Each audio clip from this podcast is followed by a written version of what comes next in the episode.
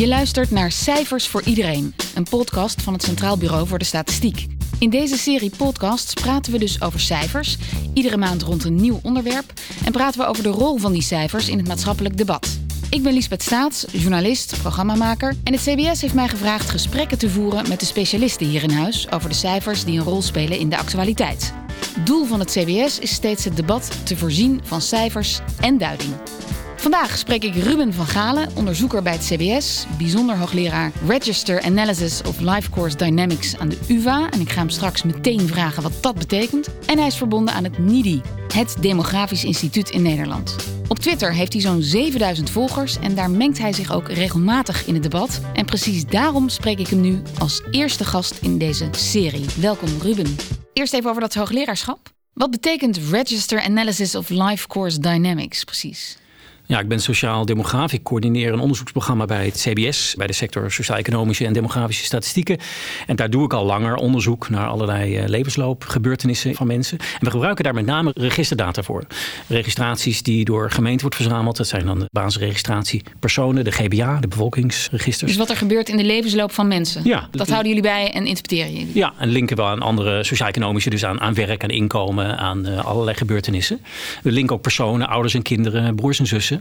We kunnen op die manier onderzoek doen naar en meer begrijpen wat er gebeurt in het leven van mensen. En dat is ook je onderzoeksgebied hier bij het CBS? Dat doe ik ook hier bij het CBS. Dus dat overlapt? Dat overlapt, ja. En daarom kon ik daar een dag in de week bezetten, zeg maar. Ja, over dat maatschappelijk debat wat ik net noemde. Op Twitter meng je je daar ook in en dan presenteer je de cijfers van het CBS. Wat valt je op daar? Nou, het valt me op dat mensen heel erg geïnteresseerd zijn in cijfers. Dat er veel op wordt gereageerd. En het CBS zendt natuurlijk altijd al informatie. Maar sterfte is nog nooit zo hot geweest als in deze periode. De sterftecijfers. Ja, sterfte is eigenlijk een heel saai onderwerp. Want uh, het is vrij voorspelbaar wat er gebeurt qua sterfte. Nou, vanaf uh, april begon sterfte opeens een hele grote rol te spelen in het maatschappelijk debat. Ook omdat het veel vaker begon voor te komen onder groepen waar we het niet verwachten. We kunnen op weekbasis een schatting maken van wat we verwachten dat er zou gebeuren als er geen verrassingen zijn in Nederland. Dat kan een epidemie zijn. Het kan er trouwens ook een griepepidemie zijn. Daar hebben we in het verleden natuurlijk ook flink mee te maken gehad. Nou, en deze corona-epidemie bleek een bijzonder effect te hebben op de jaarsterfte in 2020. En zelfs ook begin van dit jaar nog steeds. En wat we doen is wat op weekbasis schatten wat we verwachten. En we schatten daar ook nog een mooie marge omheen. Dat het moet wel een beetje boven die hoogste grens uitkomen. En we schalen dat ook nog naar de verwachte jaarsterfte die weer uit de bevolkingsprognose komt. Die een vrij goede, secure beschatter blijkt te zijn voor wat we in een jaar zo ongeveer verwachten in Nederland. Ja, dus jullie kijken naar ongeveer vijf jaar terug? We kijken naar vijf jaar terug. Wat Alle betreft... variabele seizoenen, griepepidemieën, ja. die filter je daaruit? Ja, die zitten feitelijk in die verwachte sterfte. In de winter verwacht je hogere sterfte, omdat de afgelopen vijf jaar we best wel heel veel griepepidemieën gehad. Er zit feitelijk een halve griepepidemie in onze verwachting. Dus het moet voor ons ook daarboven zijn, willen we het oversterfte noemen. En we schalen het ook nog dus naar de jaarsterfte, wat we baseren op de cijfers wat betreft de jaarsterfte die uit de bevolkingsprognose komt. Waarin dus vergrijzing, leeftijdsspecifieke sterftekansen, die veranderen over de tijd. Daar zit het effect van bevolkingsgroei in. Er komen natuurlijk vooral de afgelopen jaren veel immigranten naar Nederland. Maar ja, dat zijn over het algemeen hele jonge mensen die lage sterftekansen hebben. Die hebben dus niet zo heel veel invloed op die verwachte jaarsterfte. Maar vergrijzing wel. Dus elk jaar is de verwachte sterfte ook wat hoger. Dus we corrigeren eigenlijk voor alles wat er in de Nederlandse samenleving verandert. En kunnen dan eigenlijk vrij goed uitrekenen wanneer het daar echt ja, van afwijkt. Wanneer Ja. het iets anders is dan wat je verwacht. En hoe weten jullie dan dat de extra overledenen in 2020 coronadoden zijn of corona-overledenen? Wij krijgen met enige vertraging ook alle doodsoorzakenformulieren binnen. Daar zitten interpretaties van de dienstdoende artsen die de dood vaststellen. Nou, die moeten dan op basis van een laboratoriumgeteste COVID-test bevestigen dat het hier om coronasterfte gaat. Of als het klinisch beeld en ook de informatie van de mensen uit de omgeving, als ook blijkt dat heel veel mensen op een afdeling van een verpleeghuis bijvoorbeeld besmet waren. En er was geen tijd om te testen en mensen waren snel overleden. Dan is het soms zo dat er vermoeden van COVID wordt genoteerd. En op die manier konden wij vaststellen dat bijna de hele oversterfte tot en met oktober corona gerelateerd was. En jullie publiceerden een cijfer van ongeveer 15.000 overledenen. En dat heet dan oversterfte. Klopt. Nou, het moet jou deugd doen dat zo'n demografische term opeens gemeengoed is. Ja. Eh, dat iedereen weet nu wat oversterfte betekent in Nederland. Dat lijken me hele feitelijke cijfers, Ja. onderbouwde cijfers.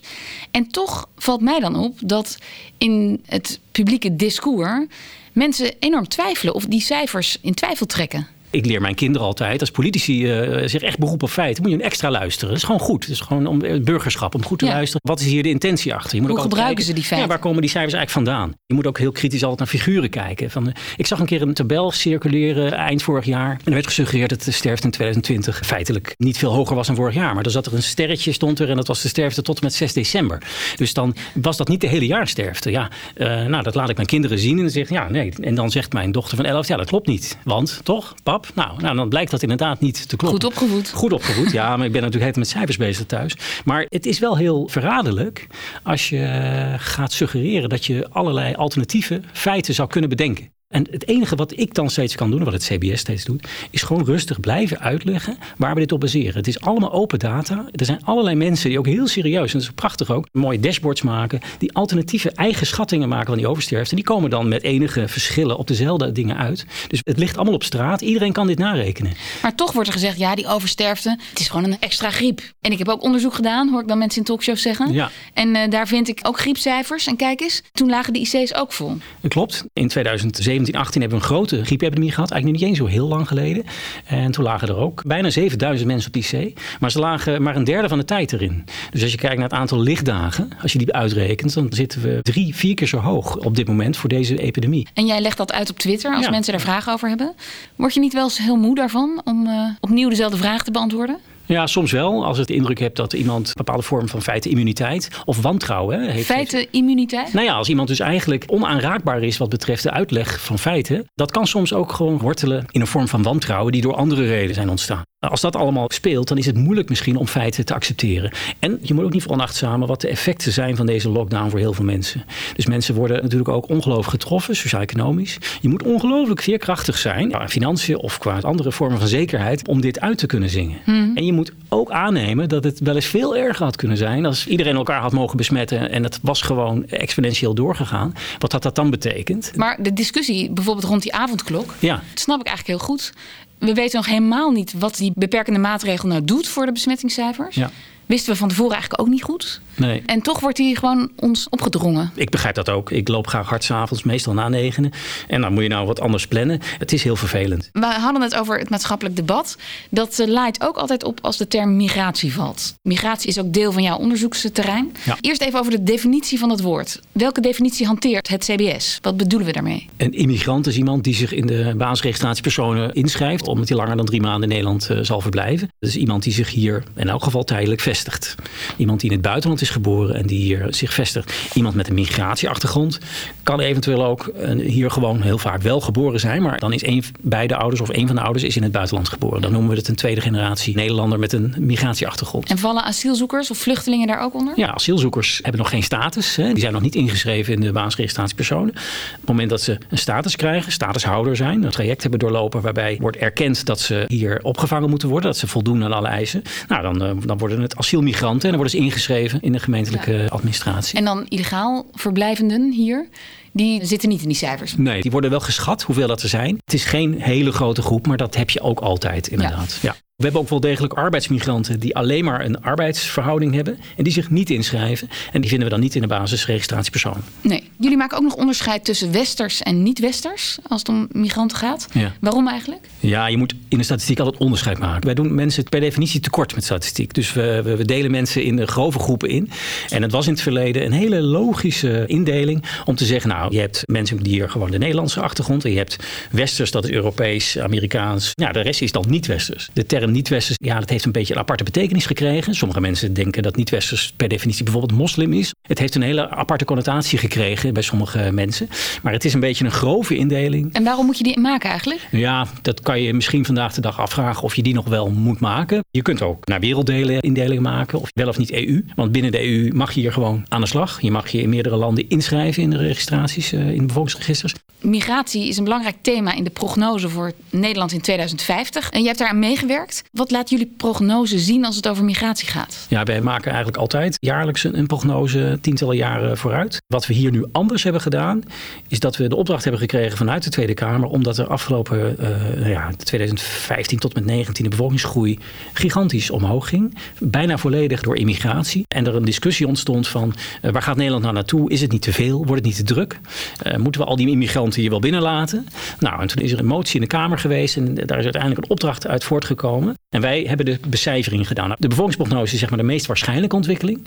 En daaromheen hebben we nu meerdere varianten berekend. Van stel je nou voor dat het niet de meest waarschijnlijke is.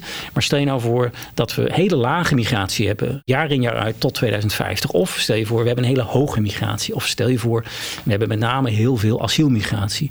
Of stel je voor dat mensen ineens niet meer veel ouder gaan worden. Of stel je voor dat mensen weer meer baby's gaan precies, krijgen. Precies, iedereen vijf kinderen. Ja, we kijken naar het verwachte aantal kinderen. Per vrouw berekenen we dat dan per jaar. En we kijken naar de levensverwachting. En we kijken naar het aantal immi- en emigranten wat we verwachten. Nou, die migratie is gewoon het meest moeilijke. Hè? Die levensverwachting die kunnen we eigenlijk best wel heel goed doortrekken. Want we weten dat iedereen over het algemeen een jaar ouder wordt.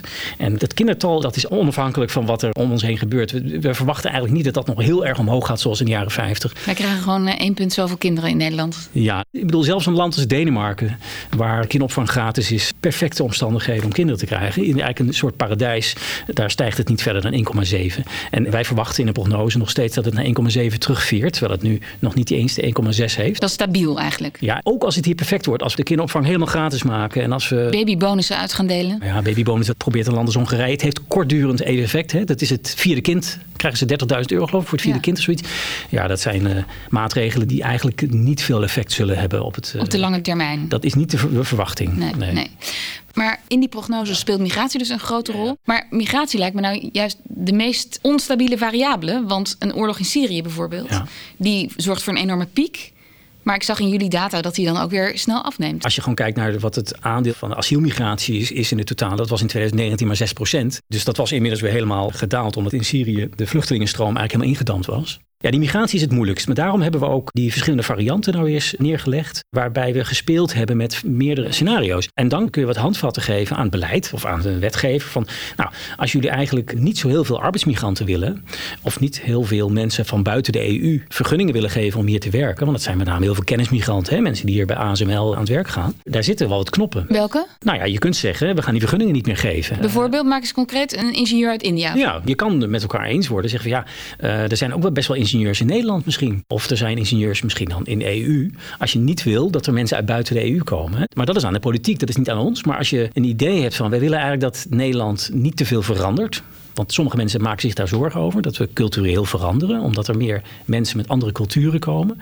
Nou, ik heb daar vanuit statistiek geen mening over. Maar als je wil dat die verandering stopt, dat er niet meer mensen uit Zuidoost-Azië naartoe komen, bijvoorbeeld, hè, nou, dan kan je zeggen, nou, we gaan die vergunningen niet meer geven. Dan moet je Ja, maar ja. gewoon ingenieurs uit Polen, die zijn er daar ook. Dus beleid wordt gemaakt op basis van jullie prognoses. Nou ja, er is wat beleidsruimte. Er zijn wat knoppen waar je aan kan draaien. Je kan ook het vluchtelingenverdrag opzeggen. Je kan zeggen, nou, we gaan geen vluchtelingen meer opvangen in Nederland. Het is een beetje moeilijk om uit de EU te stappen. Of te zeggen, eh, dat willen sommigen ook. Maar dat zijn moeilijk begaanbare wegen, maar die zijn er wel. Maar bij dit welvaartsniveau zullen we een continue instroom nodig hebben van mensen die hier ons helpen om die productie te draaien. Ja, want dat hebben jullie becijferd. Ja. Als er geen migratie is, dan kunnen wij onze vacatures niet vullen. Nee, onze nou- vergrijzing niet opvangen. Kijk, je gaat de vergrijzing niet helemaal oplossen met migratie. Dat is ook al wel eens aangetoond. Ik geloof in Zuid-Korea zouden ze dan de hele wereldbevolking aan moeten trekken om eh, de verhouding eh, werk-niet werkend eh, te handhaven. Dat gaat niet. En in in Nederland kan dat ook niet. Maar wij bieden ook beleidsruimte wat betreft deeltijdwerk. Dus vrouwen werken over het algemeen veel minder dan mannen. Nou, als vrouwen iets meer gaan werken, dan, nou, dan heb je ook minder arbeidsmigranten nodig. Kijk, je kan met elkaar in elk geval discussiëren van wat willen we eigenlijk. Je kan niet alle ballen in de lucht houden en zeggen het mag niet drukker worden. We gaan niet meer werken. Maar we willen wel hetzelfde welvaartsniveau. En we gaan de economische sectoren die nu draaien op arbeidsmigratie, die gaan we ook in de lucht houden. Ja, ik weet niet zo goed. Ja, of je moet heel veel slimme robots bedenken. Maar in 2050 gaat bijna één op de vijf werknemers zal in de zorg moeten werken. Ja, Bijvoorbeeld. ik- omdat ik- ik- iedereen oud wordt. ik zie niet om me heen, mijn puberdochter en daaromheen, heel veel enthousiasme om in de ouderenzorg te werken. Het is een prachtig vak. Mijn moeder werkt erin. Die is 85, die werkt nog steeds. Die wordt steeds nog opgeroepen omdat er geen mensen zijn. Dit is een idioot verhaal hoor. Mijn moeder is niet helemaal gemiddeld. De uitzondering in de statistiek, denk Precies. ik. En migratie is altijd een beetje een hete aardappel. Ja. Kun je Nederland een migratieland noemen? ja, het is vrij uitzonderlijk als je in je eigen geschiedenis teruggaat dat je geen migratieachtergrond hebt. Persoonlijk. Nou ja, gewoon als Iedereen je, heeft wel een, eh, Iedereen heeft wel eh, links in het verleden met gemigreerde andere personen die in je familietak zijn gekomen. Er wordt ook heel erg overdreven hoe groot die eh, verschillen tussen de verschillende groepen zijn. Je lijkt meer op een immigrant misschien dan een gemiddelde dorpsbewoner die je tegenkomt. Dus de, de overeenkomsten zijn vaak veel groter. Maar het is inderdaad altijd een heikel thema, wat ook heel vaak gebaseerd is op wel heel veel misverstanden.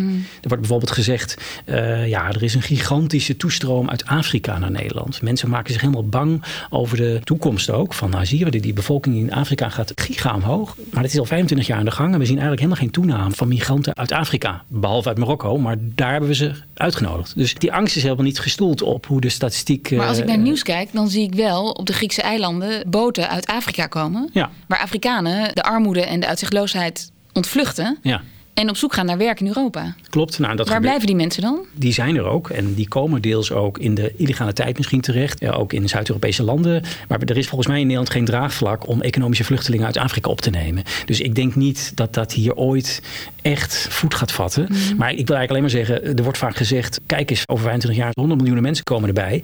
Maar als je naar het verleden kijkt, zie je dat dat eigenlijk al heel lang aan de gang is en dat het helemaal niet toegenomen is. Het komt omdat er eigenlijk helemaal geen draagvlak voor is. Misschien gaan er wel mensen opstaan en zeggen, dat moeten we wel willen. We moeten wel uit Nigeria mensen gaan halen die onze Voor de ouderenzorg. Ja, maar het is niet zo dat het nu al aan de gang is. Hè? Uh, als je naar onze lange geschiedenis kijkt, wat zijn de piekmomenten in de migratie geweest? Met name de afgelopen jaren is het EU-uitbreiding geweest. In 2004, toen Polen en Bulgarije, Roemenië, al die landen lid van de EU werden, toen zag je een hele grote toestroom van arbeidsmigranten die door werkgevers hier dankbaar werden ontvangen om zijn baan te geven. Door nou, werkgevers. Maar er zijn natuurlijk ook heel veel mensen die denken, ja, ik ben nu in opleiding voor stucadoor. Ja. Maar de kans dat ik dan ingehuurd word voor een klus is kleiner, omdat de mensen uit Oost-Europa het goedkoper doen. Ja, ik denk dat die verdringing in de perceptie groter is dan dat die is. Het CPB heeft wel schattingen gemaakt naar verdringing op de arbeidsmarkt door immigratie. Helemaal aan de onderkant, in de productiewerk, hebben ze wel iets kunnen vaststellen dat er mogelijk wat verdringing is. In de landbouw, de kassen. Ja, dus echt het pure productiewerk waar je weinig opleiding voor nodig hebt. Maar uh, stucadoors en elektriciens en allerlei mensen in de bouw, die zijn ongelooflijk nodig. Maar ik wil ook niet veronachtzamen dat het ook wel mogelijk zo is. Maar er spelen ook een heleboel andere dingen. Er is een soort flexibilisering ook aan de gang. Er zijn steeds meer ZZP'ers, kraandrijvers, die moeten hun eigen kraan in de lucht houden, letterlijk. En financieel ook. En veel meer risico dragen dan toen ze in het verleden in dienst waren. Maar dit is heel interessant, want wat je zegt, CPB heeft dat berekend. Hoe zit het nou echt met die verdringing op de arbeidsmarkt? Maar toch komt dat beeld van andere mensen die onze banen, tussen aanhalingstekens, inpikken, steeds weer naar boven. Ja. Wat is dat met dat onderwerp? Is dat angst? Is het politiek opportunisme? Of? Ja, nou, ik wil ook niet zeggen dat het bijvoorbeeld niet drukker wordt in Nederland. Dus dat je, als je fietst van Dordrecht naar Rotterdam, dan eh, kom je eigenlijk alleen nog maar in bewoonde delen van Nederland.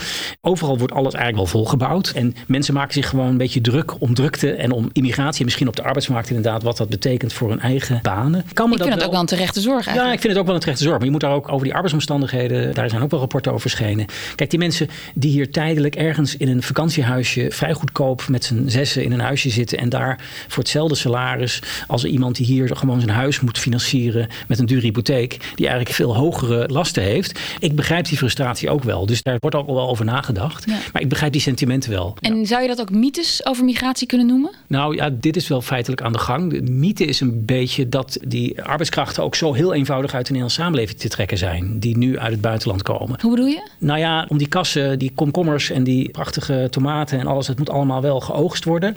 En er zijn wel initiatieven geweest om mensen die uh, nu niet werken uit de bijstand of wat dan ook. Om ze in Rotterdam zijn initiatief geweest. En dan zie je toch dat dat heel weerbarstig is. Om, uh, dat dat niet dat lukt gewoon niet zo goed. Nou, het is gewoon heel moeilijk. De mensen die bij ons echt niet aan de slag kunnen, zeker de mensen in de bijstand, hebben vaak ook andere dingen wat het moeilijk maakt om mee te draaien. Het is een moeilijk verhaal. Het is niet zomaar dat die paar honderdduizend arbeidsmigranten door andere paar honderdduizend duimen draaiende mensen opgevangen kunnen worden. Ja, als die migranten dan hier zijn hè, in Nederland, hoe vergaat het ze dan eigenlijk? Het merendeel gaat binnen tien jaar weer weg. Wie zijn dat dan? Nou, de mensen uit Polen, uit uh, Roemenië, uit Bulgarije komen hier om een aantal jaar te werken. We hebben vaak hun gezin nog in het land van herkomst. Mensen plannen steeds meer vanuit die landen blijkbaar van nou, ik ga een paar jaar in Nederland of in Duitsland werken en dan ga ik daarna weer weg, ga ik weer terug.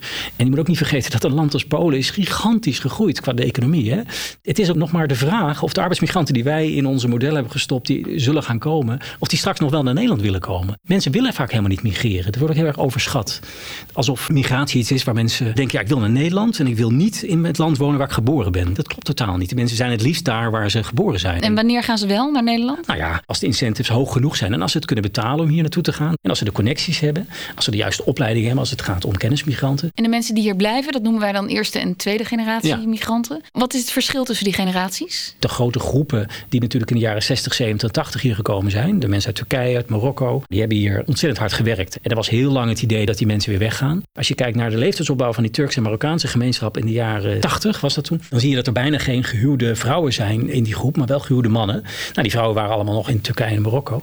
En die gezinsverenigingsdynamiek die kwam daarna. En zoals Max Frisch zei, we hebben arbeidskräften gevraagd om es sind Menschen gekommen. Weet je? Dus er werd hier dus toch ergens gedacht, die mensen zullen wel weer gaan. En voor een groot deel hebben ze hier hun gezin weer bijeengebracht. Of ze hebben een, een partner Gezin uit het gesticht, buitenland gesticht. Ja. En hun kinderen zijn nu volwassen en die doen het gewoon veel beter dan hun ouders. Die zijn veel hoger opgeleid dan hun ouders. Ze hebben een hoger inkomen dan, dan hun ouders op dezelfde leeftijd. Maar het is nog niet het niveau van de mensen waarvan de beide ouders in Nederland zijn geboren. Er is wel degelijk een achterstand. En we hebben bijvoorbeeld afgelopen jaar alle tweede generatie jonge mensen die van hun opleiding kwamen, hebben bekeken hoe het dan gaat met de doorstroom naar werk.